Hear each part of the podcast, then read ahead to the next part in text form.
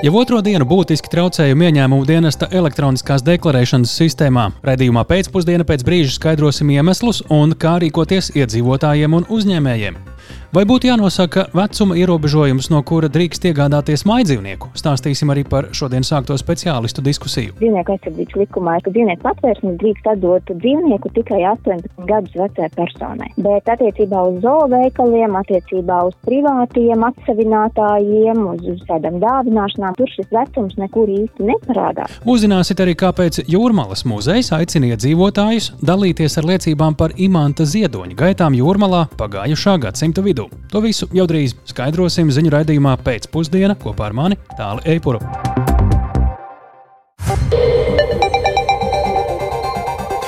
Pūkstens ir 16,5 minūtes, skan pēcpusdienas ziņu programma skaidrojot šodienas svarīgos notikumus studijā Tāles Eipurs. Par krāpšanos ar Eiropas sociālā fonda līdzekļiem apsūdzētais Daugopils Universitātes rektora vietnieks Jānis Kudiņš atbrīvots no augstskolas padomas locekļa amata. Tas noticis pēc paša Kudiņa lūguma, lai arī savu vainu krāpšanā viņš neatzīst. Rektora vietnieku amatu viņš saglabā. Arī izglītības un zinātnes ministre Anda Čakša uzskata, ka krimināla procesa un augstākās izglītības reputācijas dēļ būtu jāatkāpjas visai Daugopils Universitātes padomē. Augstskolas vadība tam nepiekrīt, sakot, ka krimināla nepie, nepiekrīt, ka krimināla process met šaubēnu par visu padomi, jo neviena vaina vēl nav pierādīta. Plašāk klausāmies Silvijas Smagaras ierakstā. Jānis Kudiņš vakara Dāngāpas Universitātes senāta lēma atbrīvots no augstskolas padomes locekļa amata pēc paša iesnieguma, bet savu vainu krimināla procesā neatzīst. Nec es, nec mans aizstāvis, mēs neatzīstam šo notikušo situāciju saistībā ar šo krāpšanos Eiropas Savienības fondu finansētajos projektos. Es pieņēmu lēmumu, ka tas būtu tikai ētiski, ka uz šo laiku labāk es uzrakstu šo atlūgumu no universitātes padomes darba, lai varbūt mazinātu šo šaubu ēnu kas ir radusies. Izglītības un zinātnes ministra Anna Čakša uzskata, lai nebojātu augstākās izglītības reputāciju kopumā, būtu jāatkāpjas visai Dāngāpils universitātes padomē. Dāngāpils augstskolas rektora Irāna Kokina tam nepiekrīt. Pagaidām, kamēr nekas nav pierādīts un uh, neviens no padomes locekļiem, kurus ir izvirzījusi mūsu senāts pagājušo gadu, es domāju, nekāda šaubu ēna vēl nav mesta. Līdz ar to diez vai vajadzētu atlaist vai atbrīvot vai kā savādāk. Padome sāka darbu jau pēc projektiem, par kuriem uzsāks krimināla process, apliecina apsūdzētais Jānis Kudiņš. Šis, kas viss ir inkriminēts manā gadījumā, tiek man.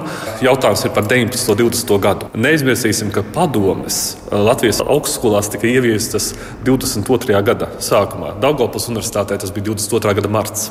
Bet šeit mēs atgriežamies pie 19. 20. gada tieši saistībā ar četriem iepirkumiem, kuri tika veikti. Arī Dāngāpils Universitātes padomes pagaidu priekšsēdētājs Māris Bazovičs neuzskata, ka šai padomē darbs būtu jāpārtrauc. Augstskolas padomē ir jādarbojas un jātiek ar šo situāciju galā. Vēl jau vairāk, ka šobrīd ir izsludinātas arī rektora amatu kandidātu konkurss. Tāpat tās padome ir atbildīga par finanšu gadu pārskatu apstiprināšanu un budžetu apstiprināšanu. Ja atsauc eh, padomi, tad iespējas vēl papildus riski saistībā ar universitātes eh, strateģisko un operatīvo darbību. Šodien Māris Bazovičs tikās ministrijas vadību, kur tika pārunāti finanšu riski projektos, par kuriem uzsāks krimināla process. Tur ir eh, daļa izmaksāta līdzekļi, daļa līdzekļi nav izmaksāti, kas uh, varētu būt noteikti uz kādu laiku aizturēti līdz apstākļu noskaidrošanai. Tuvākajā laikā nu, tiks veikta skrupuloza analīze un tiks saprasta kopētā finansiālā aina un finanšu risku situācija gan uh, īstermiņā, gan, gan arī ilgtermiņā. Jau tuvākā laikā tiks sasaukta nākamā ārkārtas Dāngāpas Universitātes padomes sēde. Silvijas Magre Latvijas radio studijā Latgalē. Un pirms brīža saņemta informācija, ka vēl divi Daugopils Universitātes padomas locekļi uzrakstījuši iesniegumu par atkāpšanos no amata. Tie ir Vita Balode Andrūs un Toms Torims. Tā aģentūra Latvija informē izglītības un zinātnes ministrijā. Un tas nozīmē, ka atkāpšies šobrīd ir trīs no septiņiem šīs augstskolas padomas locekļiem. Latvijas korupcijas uztveres indeks paliek nemainīgs. Tas ir zemākais Baltijas valstīs. Tā secināts starptautiskā pretkorupcijas organizācijas Transparency International pētījumā. Sabiedrība par atklātību dēlna vēsta, ka Latvija nepietiekami ievieš drosmīgus pretkorupcijas pasākumus. Savukārt korupcija ir drauds nacionālajai drošībai. Plašāk par to Lindas Spundiņas ierakstā. Salīdzinot ar 2021. gadu, Latvijas korupcijas uztveres indeks nav mainījies - 59 punkti no 100. Tas ir ievērojams zemāks rādītājs nekā virknē citu Eiropas Savienības un OECD valstu. Latvijas rādītājs ir zemākais Baltijas valstīs. Secināts starptautiskā pretkorupcijas organizācijas Transparency International publicētajā ziņojumā. Sabiedrības par atklātību Dāna direktore Inese Tauriņa norāda, ka korupcija ir drauds nacionālajai un globālajai drošībai. Latvijas valsts vadītājiem ir jārīkojas daudz izlēmīgāk nekā līdz šim, nosakot korupcijas novēršanu un apkarošanu kā valstisku prioritāti ikdienas darbā. Un šobrīd ir sajūta, ka lēmumu pieņēmēji, valdība un arī sabiedrība, arī mēs katrs kā indivīds, tomēr neapzināmies korupcijas negatīvās sekas un ar savu pasīvo rīcību izturamies viegliprātīgi pret mūsu drošību un atsakāmies paši no savas labklājības ilgtermiņā. Mūsu ieskatā tieši to arī parāda Latvijas pēdējo sešu gadu rezultātu korupcijas uztvers indeksā. Vēl nepieņemts ir korupcijas novēršanas un apkarošanas pasākumu plāns 2021. un 2025. gadam. Savukārt Nacionālajā attīstības plānā noteikts mērķis 2024. gadā sasniegt 64 punktus un 2027. gadā 67 punktus korupcijas uztvers indeksā. Tauriņa saka, ka šī brīža sasniegumi rāda, ka Latvijai neizdosies sasniegt mērķi. Dēlnes direktori uzskata, ka lielāka līderība šajā jomā ir jāuzņemās arī korupcijas novēršanas un apkarošanas birojam. Kanāla pārstāve Agita Antonāne teica, korupcijas novēršanas un apkarošanas birojas, cik tas ir kompetences ietvaros, iespējams, ir uzņēmies līderību. Būtiski ir uzsvērt, ka korupcijas novēršanas un apkarošanas pasākumu plāns nav tikai plāns knapdarbībai. Tajā ir būtiski uzdevumi, kuros būtu jāuzņemas līderība arī citām valsts pārvaldes iestādēm. Dāna sniegusi vairākas rekomendācijas, izdalot trīs jomas - politiskā goda prāta, biznesa goda prāta un publisko resursu izšķērdēšanas novēršana. Ir ieteikumi, piemēram, ievies grozījumu saimnes kārtības rullīm, nodrošināt pilnvērs valsts kontrolē veikt saimnes budžeta revīziju. Linda Spundiņa, Latvijas radio. Saimā būs parlamentārās izmeklēšanas komisija par finanšu sektora kapitālā remonta sekām un situāciju ar vairākām jau agrāk grūtībās nonākušām bankām. Tā šodien lēma deputāti, līdz ar to arī piekrītot opozīcijas iniciatīvai izveidot šajā saimā pirmo parlamentārās izmeklēšanas komisiju. Vairāk Jāņa Kinča sagatavotajā ierakstā. Saimnes balsojums par parlamentārās izmeklēšanas komisijas izveidi bija formalitāte, jo satversme paredz, ka saimai ir jāizveido šāda komisija, ja to pieprasa ne mazāk kā trešdaļa deputātu vai 34 tautas kalpi. Jaunveidojumā komisija plāno vērtēt finanšu sektoru kapitālā remonta ietekmi uz finanšu tirgu sistēmu Latvijā. Kopš 2019. gada ieviestie kontrolas pasākumi Latvijas banku sektorā ir pārspīlēti, uzsvēra iespējamais topošās izmeklēšanas komisijas vadītājs Vilis Kristopans no Latvijas pirmajā vietā. Es varu kļūdīties tur pa miljardu, tur vai šur. Igaunijas banku aktīvi ir 30 miljardi. Un Latvijas komercbanka aktīvi, diemžēl, ir 25 miljardi. Pirmo reizi vēsturiski mēs atpaliekam no Igaunijas, un izsniegto kredītu daudzums arī Igaunijai ir lielāks kā Latvijā. Un es esmu komunicējis ar kolēģiem gan Lietuvā, gan Igaunijā. Mums ir ļoti pārspīlēta banku un klientu uzraudzība. Komisijas izveidas iniciatori grib arī izmeklēt iespējumu PNB bankas novešanu līdz maksāt nespējai, ABLV banku novešanu līdz piespiedu pašlikvidācijai un pērn gada nogalē notikušās Baltika International banka darbības apturēšanas apstākļus. Skeptisks par komisijas iniciatoru mērķiem saimas sēdē bija jaunās vienotības frakcijas deputāts Edmunds Jurēvits. Vai mēs esam aizmirsuši, kāpēc bija vajadzīga iepriekšējās valdības īstenotā finanšu kapitālā tirgus sakārtošana, lai Latvija neiekļūtu pelēkajā sarakstā. Kopā ar tādām valstīm kā Zimbabve, Jemena, Sīrija, kas atstātu katastrofālas sekas uz Latvijas drošību un tautsēmniecību. Saimē vēl būs jābalso par jaunveidojumās parlamentārās izmeklēšanas komisijas vadītāju un pārējo sastāvu. Tajā jābūt pārstāvjiem no visām frakcijām. Saimā ir septiņas frakcijas un trīs no tām koalīcijā. Komisijas izveidošanai parakstus nesniedz opozīcijā esošā progresīvo frakcija. Tieši no tās balsojuma izšķirsies, vai komisiju vadīs opozīcijas vai koalīcijas pārstāvis. Tas varētu arī ietekmēt procesus komisijā, tajā skaitā uzaicināmo amatpersonu loku. Ar gala ziņojumu komisijai būs jānāk klajā sešu mēnešu laikā. Jānis Kincis, Latvijas Radio. Bet kādi tad ir aktuālie, nevis pagātnes plāni attiecībā uz finanšu tirgus uzraudzību Latvijā? Latvijas bankai banka ir noteikusi piecas finanšu tirgus uzraudzības prioritātes šim gadam. Kā zināms, tieši ar šo gadu Latvijas bankā ir integrētas līdzšinējā finanšu sistēmas uzrauga, finanšu un kapitāla tirgus komisijas funkcijas. Ko tad nosaka uzraudzības plāns šim gadam? Esam sazinājušies ar Latvijas bankas prezidenta vietnieci Santu Purgaili. Labdien! Labdien! Kā jūs teiktu, kas šogad būs prioritātes finanšu tirgus uzraudzībā Latvijā? Jā, mēs esam definējuši piecus svarīgākos blokus, kuros mēs fokusēsim savu uzmanību. Un, un, un pirmais no tiem ir makroekonomiskie un ģeopolitiskie riski, jo zināms, ka ar Krievijas kara Ukrainā ietekmi uh, ir jāvērtē, protams, arī šie ģeopolitiskie riski, kas, kas izriet. Uh, no, no dažādām situācijām, jā, kā tas ietekmē piegāžu ķēdes un, protams, arī uh, banku, banku aktīvu kvalitāti un, un, un mm. teiksim, šo te skatījumu nākotnē. Tāpat arī pieaugošās procentu likmes un jau esoša augstā inflācija faktiski var ietekmēt banku aktīvu kvalitāti, tāpēc šis ir viens no tādiem būtiskajiem fokusiem. Ja. Otrs ir operacionālā un finanšu noturība. Šeit mēs runājam vairāk par banku un citu finanšu tirgus dalībnieku spēju uh, noturēties pret dažādām krīzēm. Un tie ir gan kredīt risks, gan visi citi pārējie riski, kas ir jāņem vērā. Šeit noteikti ir būtiska sadaļa uh, IT riskiem, īpaši izceļot šeit uh, kiberriskus. Tāpat fokusēsimies uz datu kvalitāti un iespēju šos datus apstrādāt un analizēt. Trešajā blokā mēs esam koncentrējuši dažādus pārejas riskus.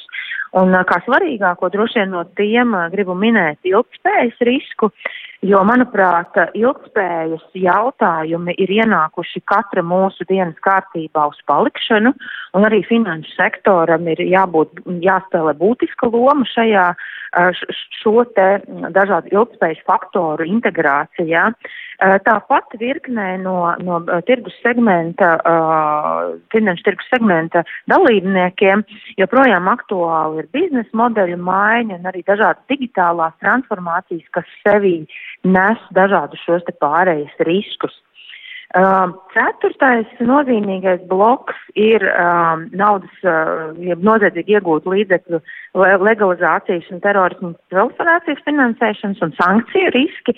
Šeit atkal īpaši jāuztver tieši sankciju apiešanas riska pārvaldība, jo um, līdz ar būtisku uh, sankciju apjomu pret uh, agresoru valstīm uh, Šobrīd finanšu sektors ļoti veiksmīgi ir īstenojis jau sankciju piemērošanu, tomēr turpmāk mums arī ļoti nopietni ir jāstrādā visiem kopā, lai mēs identificētu un novērstu potenciālus sankciju apiešanas mēģinājumus. Mm -hmm, piektais bloks. Un piekti, jā, un piektais tāds salīdzinoši jauns bloks mums, kas ir parādījies, tas ir finanšu pakalpojumu saņēmēju aizsardzība.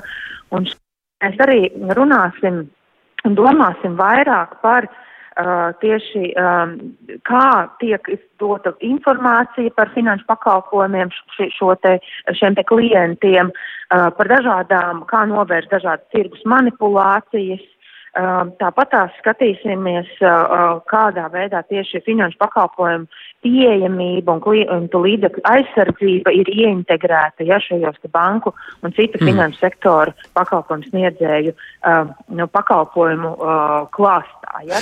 Šis ir arī tāds svarīgs aspekts, kur mēs parūpēsimies, lai ik viens, kas, kas saņem finanšu pakalpojumu, saprastu un izprastu, uh, kas tas ir un, un, un kā to vislabāk lietot. Jā, šis svarīgi iedzīvotājiem un klausītājiem. Tāpat arī mēs lasām, ka jums ir plāns veikt 40 dažādas klātienes pārbaudas dažādās iestādēs, bet tas droši vien atsevišķs stāsts jau detalizētāks. Bet tikko mēs dzirdējām sīžetu no saimas, kur ir šī, šī parlamenta laikā pirmā izmeklēšanas komisija, kas arī ir tieši vērsta uz finanšu sektoru un tā pārlieku varbūt stingru uzraudzību. Nu, šeit dzirdējām pat citātu, ka ļoti pārspīlēta banku un klientu uzraudzība Latvijā ir salīdzina ar kaimiņiem Baltijas valstīs. Vai varat piekrist šādam apgalvojumam? Uh, nē, es, es noteikti tam nepiekritīšu, jo pirmām kārtām uh, mums ir jāsaprot, ka uh, Latvija, tāpat kā, kā Eirozonas pārējās valstis, ir vienotā uzraudzības mehānismā. Ja? Mēs strādājam ar vienotu Eiropas regulējumu, mēs transponējam uh, Latvijā šīs regulējumu, kas ir Eiropā. Un, un jāsaka, protams, ir ceļš pēdējā laikā arī no dažām citām Eiropas valstīm, protams, ir aktualizēts šis jautājums Uh, un, un redzam, ka arī citās valstīs uh, tieši tas varbūt uzraudzības un regulējums smagums uh, arī no tirgus dalībnieku puses uh, tiek celts gaismā, ja, un par to ir diskusijas. Bet atkal jāsaprot, ka uh, mēs esam izgājuši cauri daudzām dažādām krīzēm, un finanšu sektoram ir jābūt tam, kas dažādās krīzēs ir kā atbalsts, nevis kā problēma. Ja? Mhm, un mēs labi. uh, gribam turpināt strādāt uz to, lai, lai ikvienai krīzē ejot cauri, uh, mēs kā sabiedrība, kā, kā biznesa varam paļauties uz banku stabilitāti, drošību un banku atbalstu, ejot cauri šīm krīzēm. Un darbību atbilstību likumam. Paldies par sarunu! To mēs sakām. Uh, Latvijas bankas prezidenta vietniecei Santai Purgailē, bet eh, šobrīd pievēršam uzmanību kādam, kam tādam, kas eh, skar ļoti daudzu ikdienu šeit un tagad. Iedzīvotājiem jau pāris eh, dienu nav pieejama elektroniskās deklarēšanas sistēma vai vismaz tās daļa, tāpēc valsts cieņām dienests ir paziņojis, ka neiesniegtos dokumentus varēs iesniegt vēl papildus desmit darba dienas, lai precīzāk skaidrotu situāciju. Šobrīd mēs arī esam sazinājušies ar valsts ieņēmumu e, dienesta pārstāvi, lai precizētu, kāda tad ir situācija. Un, e, Šobrīd arī tūdaļ arī savienojums būs. Mums, mēs meklējām amatpersonas vārdu, ar ko mēs esam sazinājušies ātrumā. Inita Kabānova valsts ieņēmuma dienas sabiedrisko attiecību daļas vadītāja. Labdien! Labdien! Iedzīvotāji tātad šobrīd nevar pilnībā izmantot elektroniskās deklarēšanas sistēmu. Kāpēc? Kas par bojājumiem? Kā tie radās? Jā, uh, nu, mēģināšu izstāstīt tā īsumā, kā darbojas elektroniskā deklarēšanas sistēma. Tas būtībā ir tāds kā loks, ar kuru cilvēki un uzņēmumi var piekļūt ļoti daudz un dažādām datubāzēm, un tās pat viss nav valsts ieņēmuma dienesti, ir arī citi iestāžu. Nu, lūk, un tas, kas šoreiz notika, viena no mūsu sistēmām neizturēja slodzi un būtībā pārstāja darboties. Un šeit mēs runājam par vienu no mūsu vecākajām sistēmām. Tā ir izveidota 99. gadā. Tas nozīmē, ka šobrīd uh, tie ir 24 gadi. Un sistēma ir uh, lolota un sargāta, bet uh, nu, ir novecojusi un īsti netiek līdzi. Un nav atjaunota tur. Tas nav kā bildības jautājums. Sagaidījusi, viņa nav sagaidījusi savu laiku, viņa ir plānā, viņa tiks nomainīta. Bet šis process, šis process ir ilgs. Un ir tā, ka mēs esam sākuši šo sistēmu nomaiņu jau pāris gadus, un ir tādas lietas, kuras cilvēki ļoti labi jūt un redz. Un, piemēram, nu jau pirms diviem gadiem mēs pārslēdzāmies uz pilnīgi jaunu maksājumu apstrādes. Labi, tas mazliet cits temats jau ir. Jā. Mēs tieši par šīs dienas problēmu. Ko tieši šobrīd iedzīvotāji tāpēc nevar lietot un kuras sistēmas uh, nav traucētas? Jā. Jā, nu tātad traucēts ir viss tas, kas ir klasiskais EDS, tātad nodokļu jautājumi, un tas, kas nav traucēts, nav traucētas muitas sistēmas, no, uz kurām var pārslēgties arī caur to pašu uh, adresi, uz kur dodas uz EDS. Cilvēkiem ir savi termiņi, pienākumi, daudz ko arī deklarēt, uh, no tā atkarīgas arī tā skaitā nodokļu atlaides un kas tikai vēl ne, kas šobrīd notiek līdz ar šiem tehniskajiem sarežģījumiem ar termiņiem. Mm -hmm. Jā, tieši tāpēc paldies par sarunu. Mēs ļoti gribam uzsvērt, ka tajā brīdī, kad sistēma nedarbojas, nedarbojas arī termiņi. Protams, kad nav tā, ka sistēma neiet, tad, nu, tā kā termiņi iet uz priekšu. Tātad šobrīd nevajag satraukties. Mēs cenšamies sistēmu pēc iespējas ātri atkal palaist darbā, bet tā kā skaidrs, ka nu, šobrīd viņa kādu brīdi nav bijusi pieejama, tad šos te visus termiņus dokumentus varēs iesniegt vēl desmit darba dienas pēc tam, kad sistēma jau pilnībā darbosies. Vai ir atvēlēta kāda papildus resursa, lai cilvēki varētu sazināties ar ieņēmumu dienestu par EDS, jo šādā situācijā var rasties ļoti precīzi un nopietni jautājumi? Jā, mēs arī ļoti gaidām zvanus tiešām, kad nav skaidrs, kā rīkoties, un arī ir situācijas, kad arī mūsu speciālisti paši sazinās, un ir tādi gadījumi, jā, kad cilvēkiem varbūt būtu interese citā veidā risināt, jā, tad ar šiem te uzņēmumiem mūsu kolēģi sazinās un, un meklē tad iespējams kaut kādus citus risinājumus. Kāda būs atpakaļ ierindā, ēdējs? Mēs ļoti, ļoti gaidām, jo būtībā tā labā ziņa ir tāda, ka pats bojājums ir novērsts. Šobrīd tie ir tādi nu, kā sistēmas atkopšanas darbi, viņi vienkārši ir jāpalaiž dzīvē. Ko tas nozīmē? Ļoti... Tas ir stundu, nedēļu, mēnešu jautājums? Uh, tur tā lieta, nē, nē, nē, mēs ļoti ceram, ka šodien, bet nu solīt būtu tā kā pārdroši, bet tiešām ceram, ka būs pēc iespējas drīz. Paldies par sarunu. To mēs sakām Initai Kabanovai, valsts ieņēmuma dienas sabiedrisko attiecību daļas vadītājai. Turpinām raidījumu pēcpusdienu pēc brīža par to, ka iedzīvotājus aicina dalīties atmiņās par imanta ziedoņa dzīvi jūrmalā pagājušā gadsimta vidū. Par to runāsim vairāk, un tāpat arī par to, vai jānosaka minimālais vecums bērniem un jauniešiem istabas un mājas dzīvnieku iegādē šie un citi temati raidījumā pēcpusdienu pēc brīža.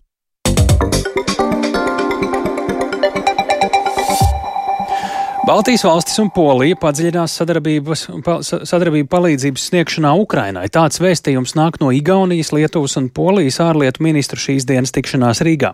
Četru valstu ārlietu ministru sarunās galvenā uzmanība tika pievērsta aktualitātēm drošības jomā, Krievijas izvērstajam karam Ukrainā un Ukrainas atbalstam. Ārlietu ministri arī parakstīja kopīgu deklarāciju par sadarbības padziļināšanu reģionā. Kolēģis Rihards Plūme šodien sekoja līdzi ministru sarunām. Latvijas ārlietu ministrs Edgars Rinkēvičs pēc Polijas un Baltijas valstu ārlietu ministru tikšanās skaidroja, ka Baltijas valstis un Polija ir bijušas tie Ukrainas sabiedrotie, kas snieguši visapjomīgāko palīdzību Ukrainai attiecībā pret iekšzemes koproduktu. Un mēs esam absolūti apņēmības pilni strādāt arī tālāk, lai atbalstītu mūsu Ukraiņu draugus. Mēs esam gatavi strādāt ar citiem sabiedrotajiem. Mēs uzskatām, ka Ukraiņai šobrīd ir jādod viss kas ir nepieciešams, lai tās eh, varētu ne tikai aizsargāt, bet arī atbrīvot teritorijas un beigu beigās arī uzvarēt. Tikmēr Polijas ārlietu ministrs Bigņevs Rauklātesošajiem atgādināja to, ka Baltijas un Polijas valstu filozofija paredz atbalstīt Ukrainu cik vien iespējams un cik ātri vien iespējams, un tieši tas arī tiek darīts. Moreover, whenever we have a chance Vēl jau vairāk, jebkad, kad vien mums ir iespēja kā diplomātiem izteikties publiski Eiropas Savienībā, NATO vai ANO, mēs norādām uz Krievijas draudiem. Mēs norādām uz draudiem, ko Krievija rada NATO austrumu flanga valstīm. Un mēs visi runājam vienā balsī, kad runājam par šī flanga stiprināšanu. Vienā balsī ministri runā arī par sankcijām, kas piemērojamas Krievijai. Ministri stingri uzsvēra, ka nosakot nākamās sankcijas pret Krieviju un Baltkrieviju, ierobežojumi ir jāievieš tā, lai tos nevarētu apiet. Tāpat ministri runājuši par Startautiskās olimpiskās komitejas paziņojumu par Krievijas un Baltkrievijas sportistu iespējamo atgriešanos starptautisko sacensību apritē. Ārlietu ministri bijuši vienisprātis, ka šo valstu sportisti nedrīkst atgriezties sacensību apritē, kamēr Krievija turpina karu Ukrainā. Ukrainā. Turpina Igaunijas ārlietu ministrs Urmas Reinsalū. Uh, es domāju, ka tā ir gļēvulības problēma, kad tiek teikts, ka sports un politika ir atsevišķas lietas, ka tās ir atdalītas. Nē, ar sportu nodarbojas cilvēki, un cilvēki ir tie, kas tagad cieš. Tā nav tikai politikas vai tikai sporta lieta. Tas ir cilvēcības jautājums par to, kas mēs esam. Humanity. Tika uzsvērts, ka lēmumi par konkrētām lietām ir sporta pasaules pārziņā un tie nav politiski lēmumi. Tomēr ministri vienojās, ka palīdzēs sadarboties Baltijas un Polijas Nacionālās olimpiskās komitejas un par sporta politiku atbildīgos izstrādāt maksimāli vienotu nostāju. Rihards Plūme, Latvijas radio. Tātad ministri runāja arī par atbalstu Ukrainai, un mēs turpinām ar piemēru par Ukrainai sniegto palīdzību. Krievijas vispārējā iebrukuma pirmajā fāzē pērn pavasarī smagi izpostītajā Demīdivas ciemā pārdesmit km uz ziemeļiem no Kijivas šomēnes atklāts moduļu māju ciematiņš, kur patvērumu gūst gan eh, turienes vietējie iedzīvotāji, kas palikuši bez mājām, gan arī bēgļi no Ukrainas austrumiem. Kā ciem iedzīvotāji pārdzīvo šo ziemu, par to Latvijas radio korespondentes Ukrainā Indras Sprānces reportāžā no Demīdivas ciema. Вот сюда прямое попадание, дома нет вообще. Te bija tiešais trāpījums. Mājas vairs vispār nav. Tur labdarības organizācija uzstādīja viņiem mājiņu, lai viņi vismaz pagaidām varētu dzīvot. Kozarovūtskas apkaimes stārests Vladimirs Vovsijenko piekritis man izrādīt smagāk cietušās apkaimes teritorijas. Pa šauriem, grūti izbraucamiem celiņiem viņa automašīnā dodamies uz nelielu apdzīvotu vietu Demīdivas apkaimē. Šeit, sākoties Krievijas vispārējiem iebrukumam, frontes līnija pērn pavasarī atradusies pavisam tuvu. Kara postījumi te redzami uz soļa. Daudz viet pilnīgi gruveši, citur ēkām izpostīti jumti, izsisti logi, bet ložu caurumi izrobojuši metāla sētas žogus.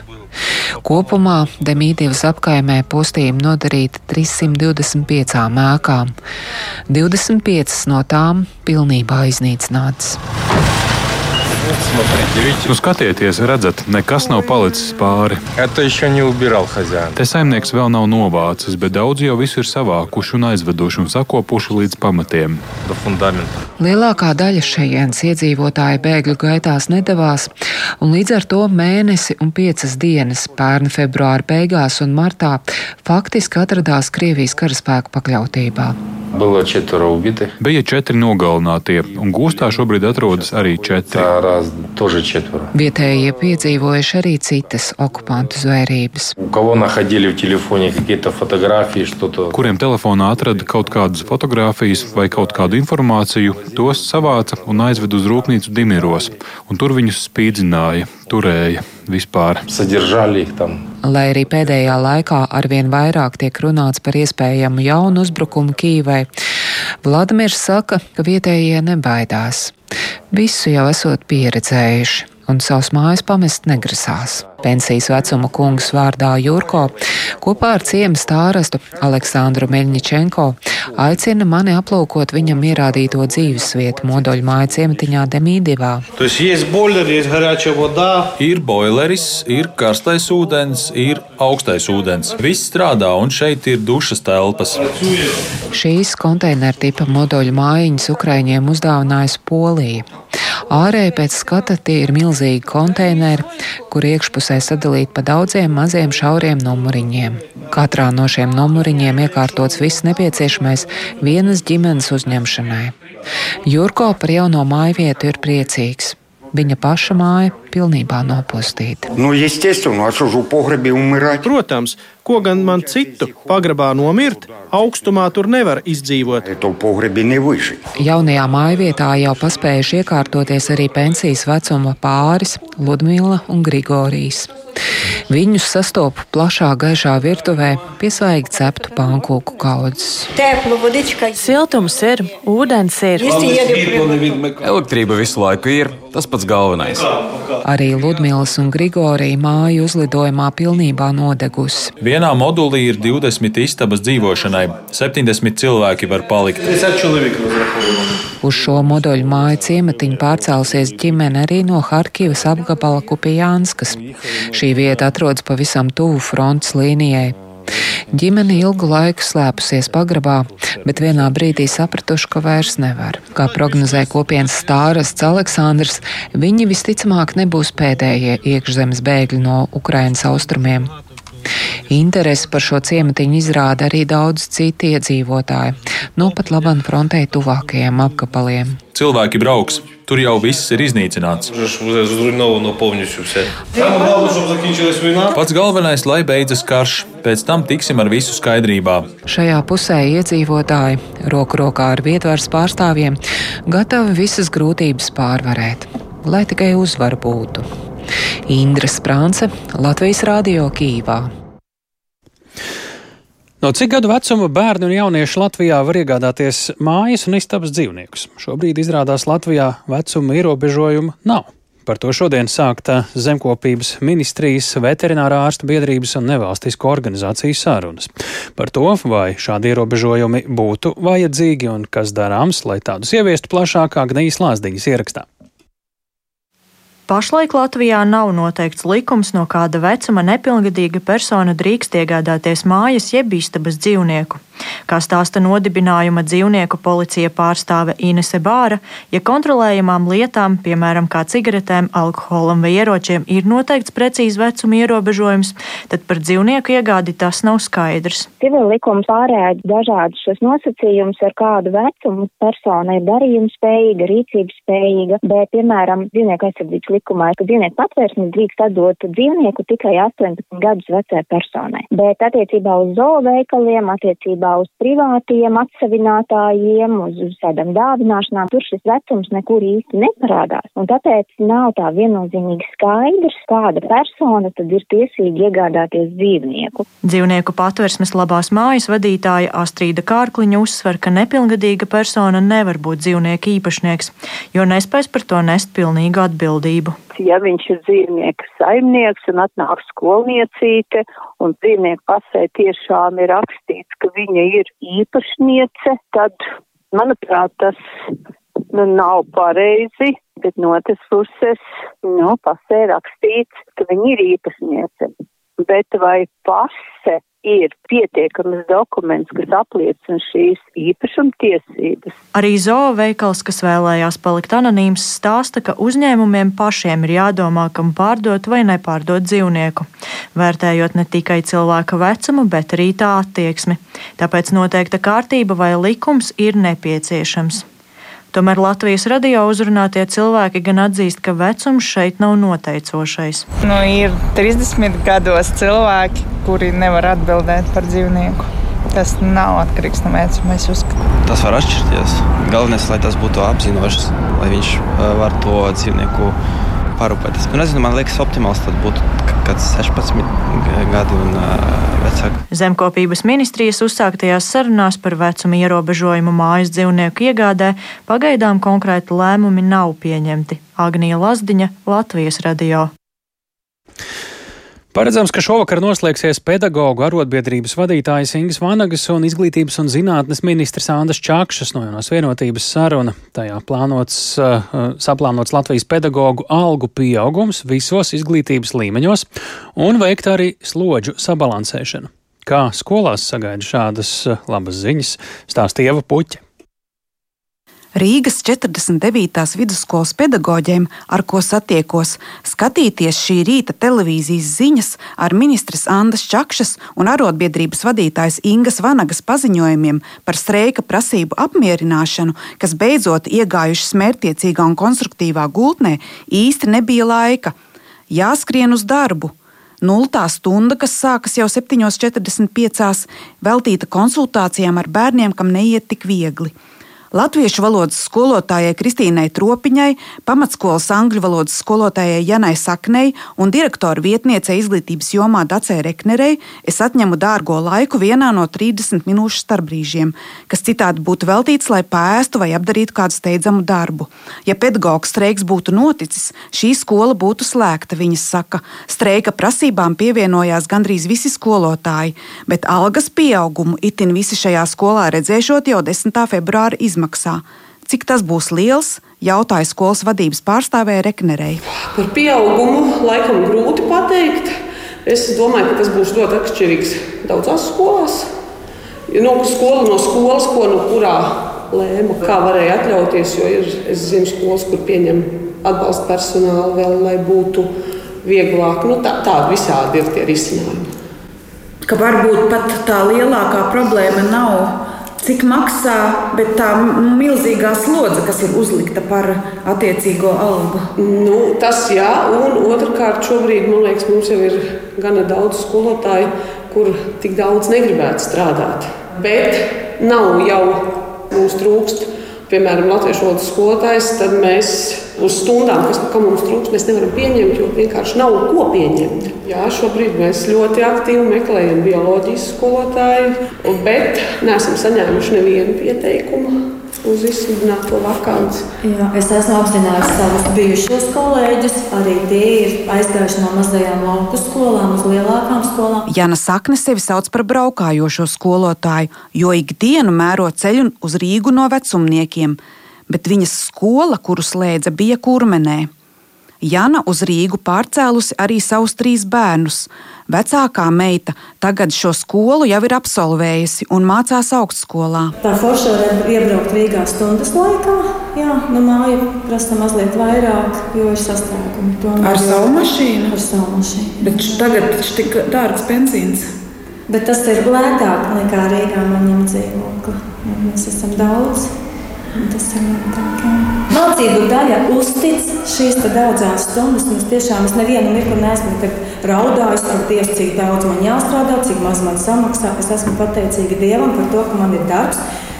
Es varu atbraukt, es varu nomaksāt visus tekošos rēķinus. Arī bērni nesūdzās, ka tā mamma dievinās, cik tev tur samaksā un cik tu strādā.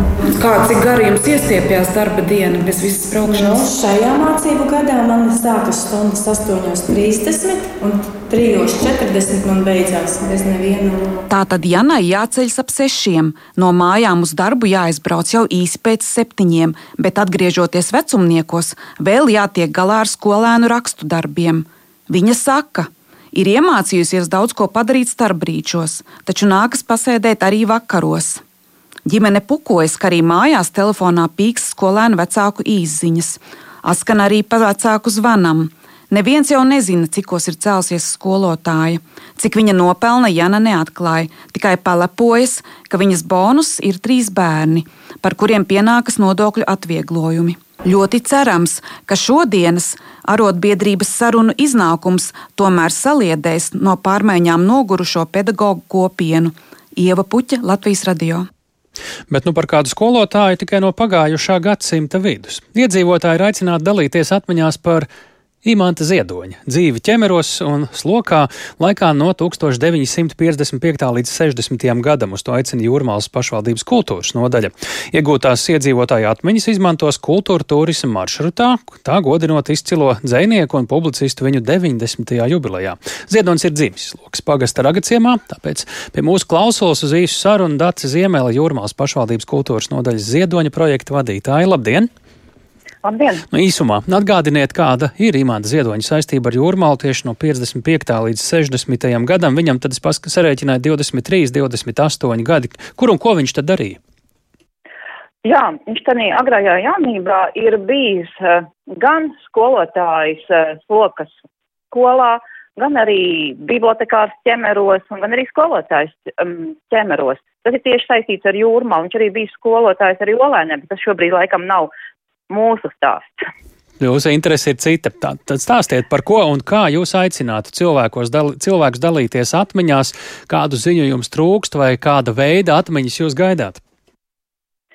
Um, skatoties šo viņa agrīno posmu un skatoties, ko viņš ir darījis jūrmalā, mēs sapratām, ka vislabākais, un runājot ar cilvēkiem, un dzirdot šīs pozitīvās nu, atsauksmes ar tekstu, ka mana vīra māte ir uh, bijusi audzēkne uh, Ziedonim un, bija, un Ziedonis ir bijis klases audzinātājs. Uh, mana mamma ir piemācījusies pie Imanta Ziedoņa. Un tad mēs sapratām, ka jūrmalniekiem ir tik daudz dzīvo atmiņu par šo dzēnieku, un tā arī radās šī ideja aicināt iedzīvotājus dalīties ar šiem dzīvajiem stāstiem. Manuprāt, tā ir vislielākā vērtība. Uh, atmiņas par to, kāds viņš ir bijis skolotājs, kāds viņš ir bijis klases audzinātājs, arī tiem bērniem, kuriem nav patikusi latviešu valoda vai literatūra. Mm -hmm. Dzīvās Protams, atmiņas, tas nozīmē, jā. kas jādara cilvēkiem, kuri varbūt viņiem ir kāda fotografija vai vēl kas cits.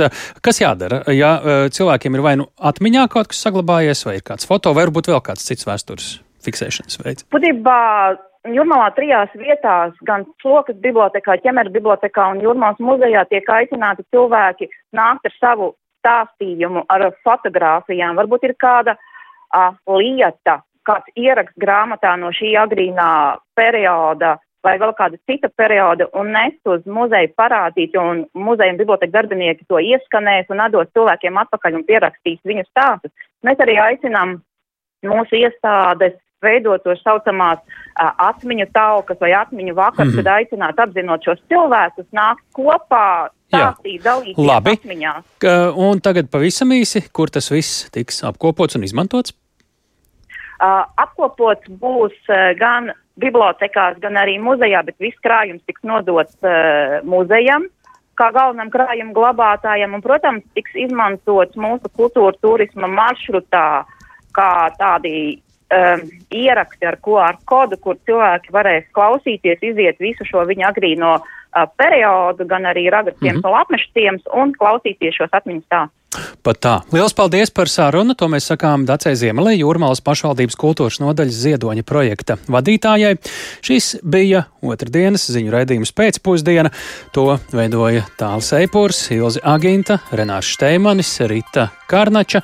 Un pavisam noteikti īsumā par svarīgāko par krāpšanas, krāpšanos apsūdzētais Daugaupils universitātes rektora vietnieks Jānis Kudiņš atbrīvots no augstskolas padomas locekļa amata. Latvijas korupcijas uztveres indeks paliek nemainīgs un ir zemākais Baltijas valstīs. Šo raidījumu varat klausīties arī raidierakstos. Meklējiet visu pirms jau Latvijas radio mobilajā lietotnē. Yeah.